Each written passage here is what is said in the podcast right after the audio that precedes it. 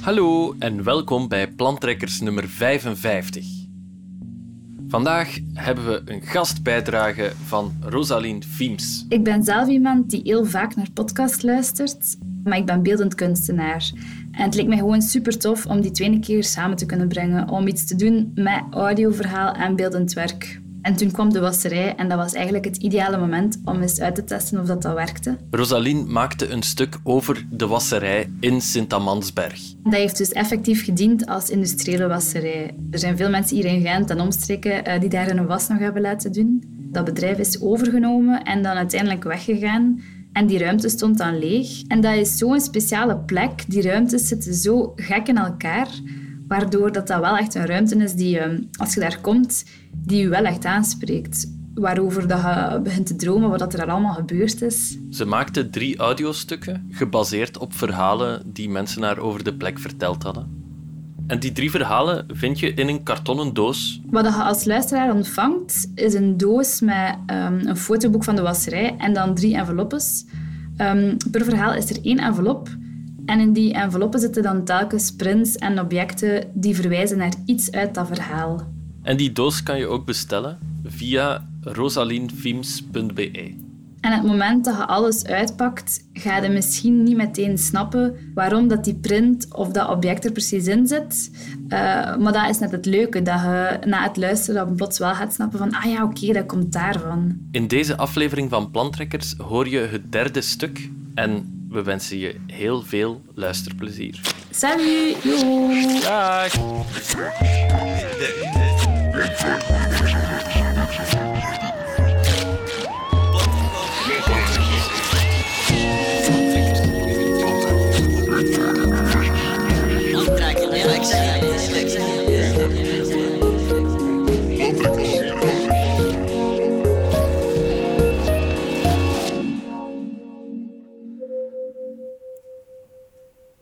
Heeft mij een keer naar de wasserij gestuurd om haar kleren te gaan halen.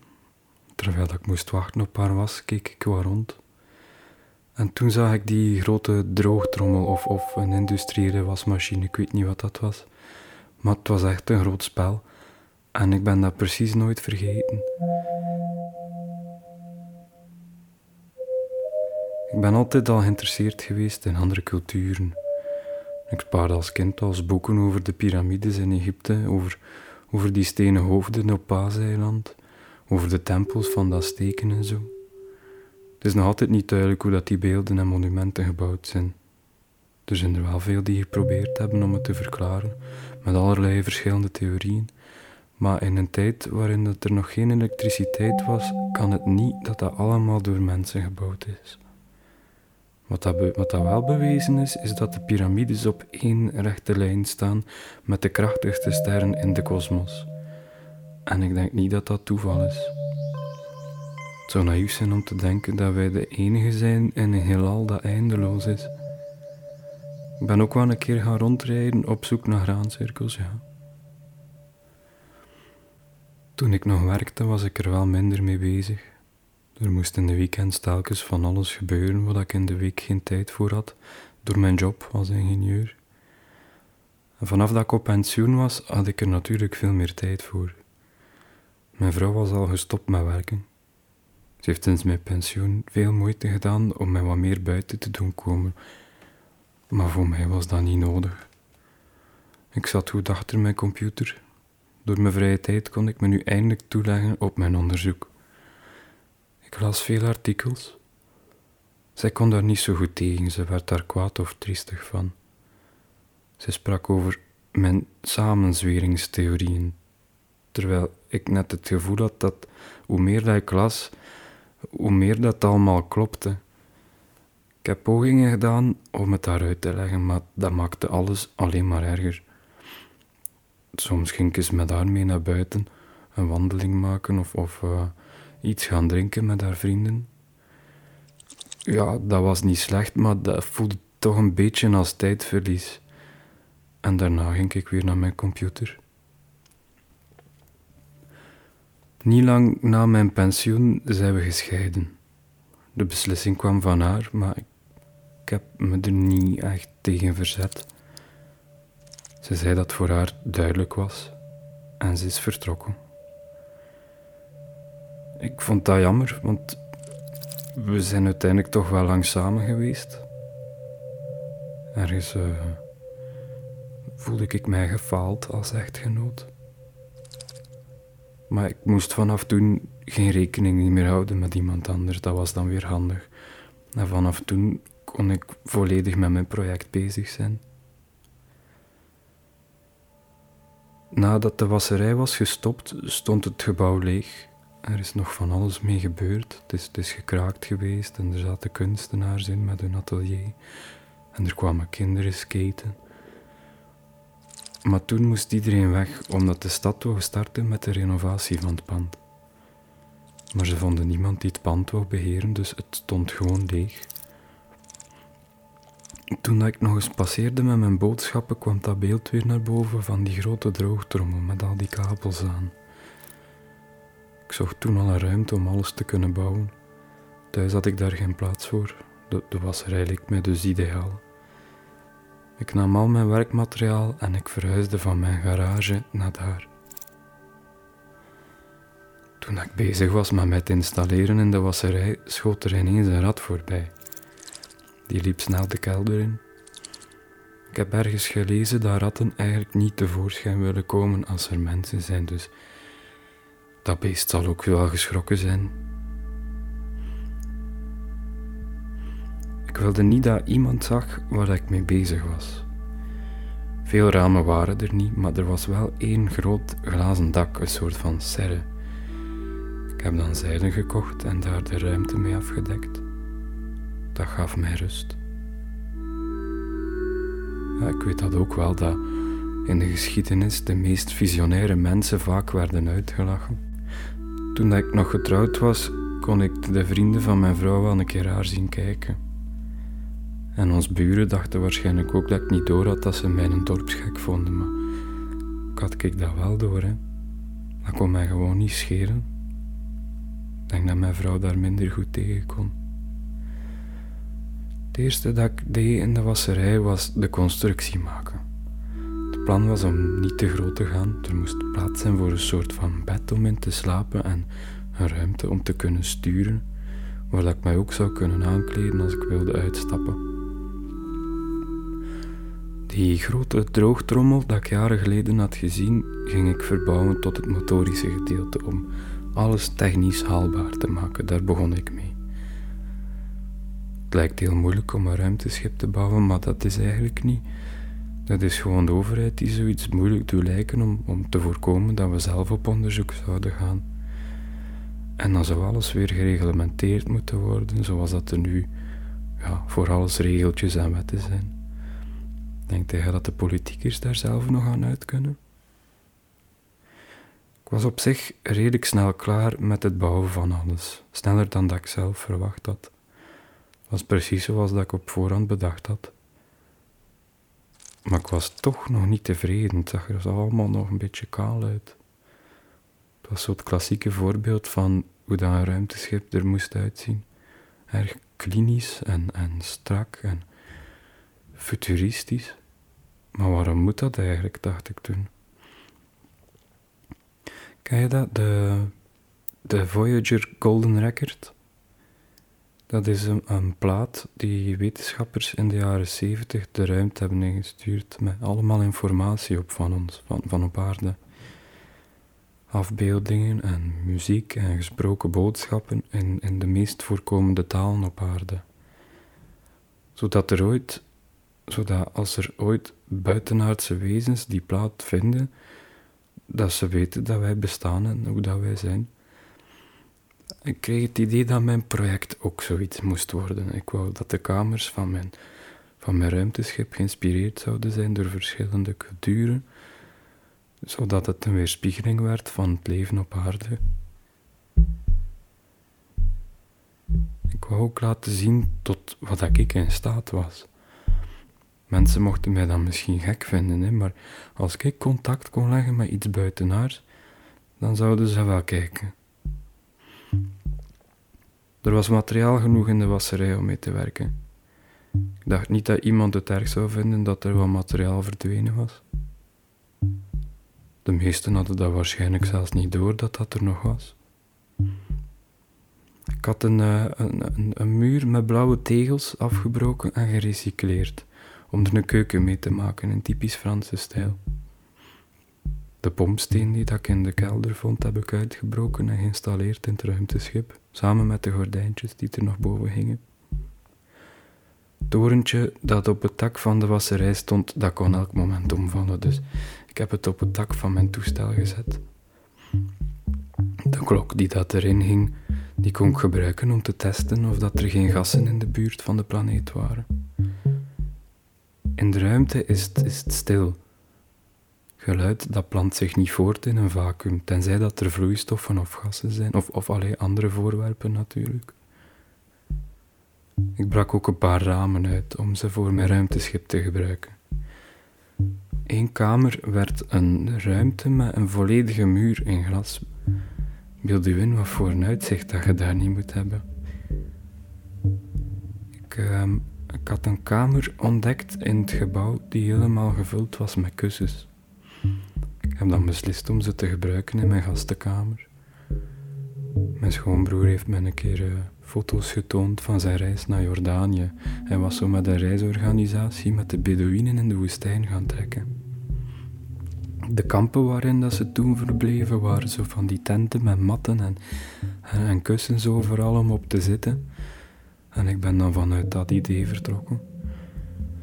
Die kamer moest ook echt wel goed zijn. Uh, als ik daar andere wezens zou ontmoeten, wil ik dat ze snappen dat ik hen beter wil leren kennen. Hè. Dat dan, dan is een goede ontvangst cruciaal. Doordat er geen zwaartekracht gaat zijn, gaan we waarschijnlijk overal tegenbotsen. Dus ik heb alle muren van de kamer bekleed met kussens en, en, en zachte tapijten. Toen dat mijn vrouw en ik voor de laatste keer samen op reis gingen, ontdekte ik dat ze in de luchthaven voor elke godsdienst een gebedsruimte voorzien hebben. Ik was aan het zoeken naar het toilet en ik trok ineens zo ergens een deur open en dan, stond ik daar in een lege kamer met Arabische geschriften overal. En er lag een kleine gebedsmat gericht naar een hoek. En ik heb daarna ook nog de katholieke en joodse ruimte gevonden. Die moesten er ook allemaal in, vond ik. De ruimte die ik het leukst vond om te maken was die van het Hindoeïsme. Ik heb zo vormen en motiefjes in hout uitgesneden er zijn natuurlijk veel goden in het Hindoeïsme, maar dat heb ik opgelost met een doos miniatuurfiguurtjes die ik ben tegengekomen in de wasserij. Je hebt zo die, uh, die god met al die armen, hè? En ah, wel, ik heb daar dan armen van Barbiepoppen bij gelijmd. En op al die beeldjes heb ik zo schone stofjes gedrapeerd. Op een avond ging ik naar het toilet beneden en, en ik hoorde zoiets bewegen. En dan, toen dat ik het licht aanstak, zag ik dat dat een rat was. Haar twee achterste pootjes die waren zo verlamd. ze probeerde weg te kruipen, maar dat, dat ging natuurlijk niet. Dat ging niet door die pootjes. En een beetje later passeerde ik daar nog een keer en ze zat daar nog altijd. Uiteindelijk is ze in een, eh, een regenpijp gekropen. Ik heb ze daarna nooit niet meer gezien. Ik ben toen beginnen denken over die ratten. Ik zag er af en toe al een keer eentje passeren. Die dieren hadden eigenlijk weinig nut, maar eigenlijk zijn dat heel slimme beesten. Wist je bijvoorbeeld dat ratten hele platte gronden van een stad in hun hoofd hebben? In Nederland werkt de politie met ratten in plaats van met honden kunt ze makkelijk iets aanleren en ze zijn veel goedkoper in onderhoud. Daar, daar noemen ze die uh, snuffelratten. Ze kunnen geuren onthouden en iets opsporen. Ja, Google Maps of een GPS, dat werkt daar in de ruimte natuurlijk niet. Ik ben uh, die ratten beginnen vangen. Ik had ze natuurlijk wel levend nodig, dus gif en vallen, dat ging niet. Als je ratten wilt vangen, dan heb je hun vertrouwen nodig.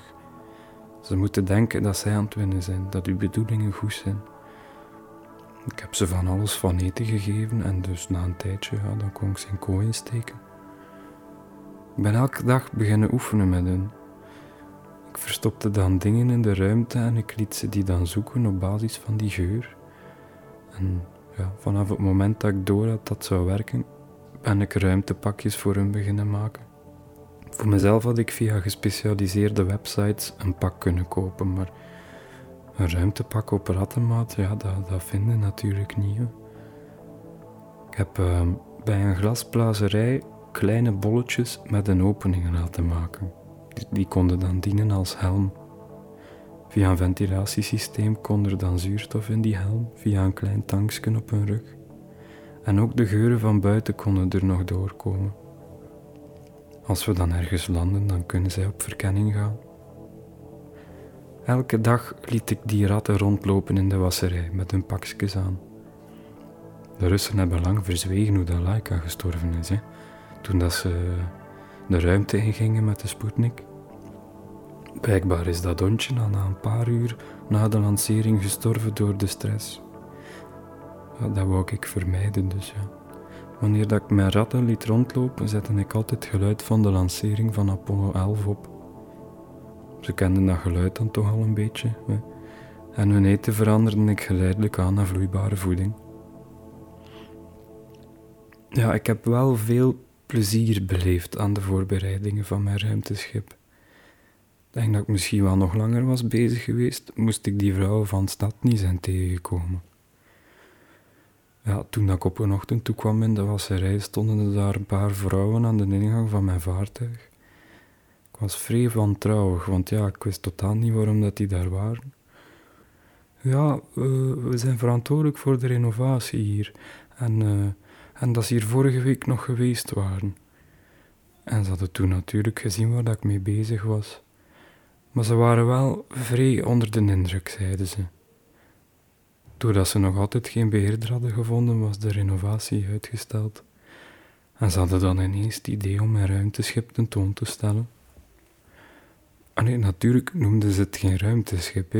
Ze, spraken over je, je creatie.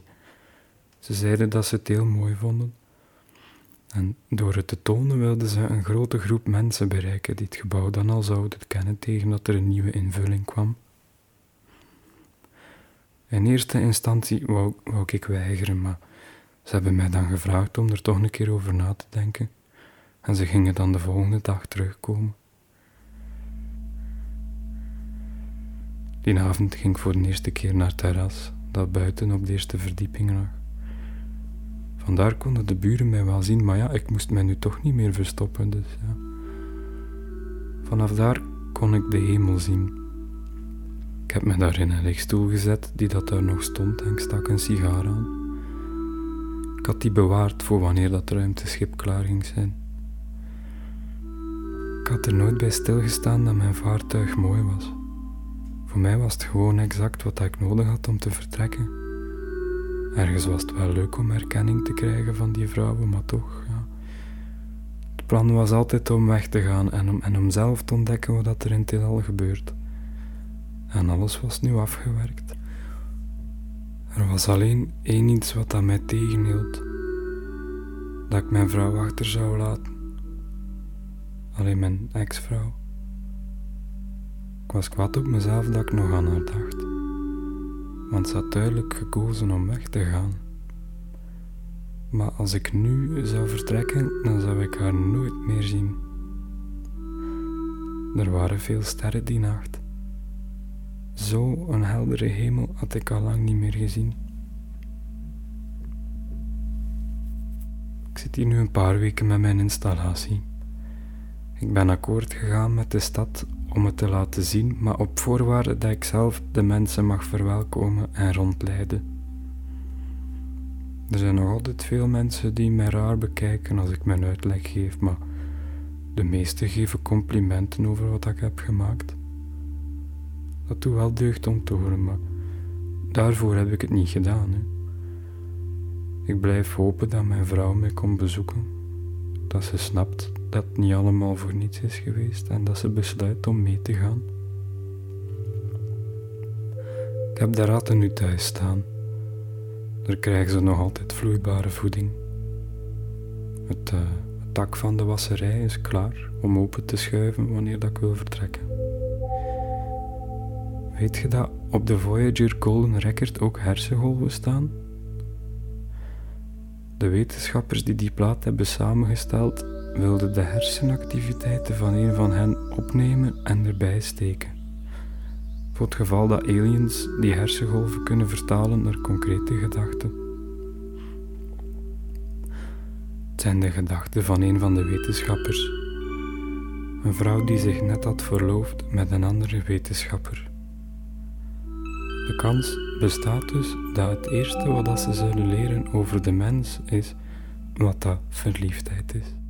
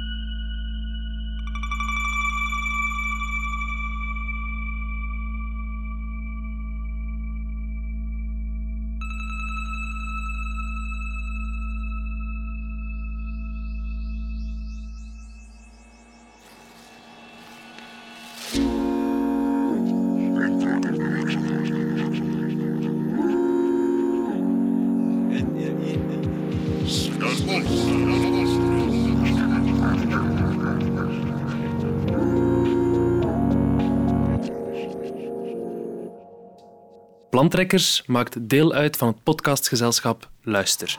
Luister. Kijk zeker eens op luister.be met een y.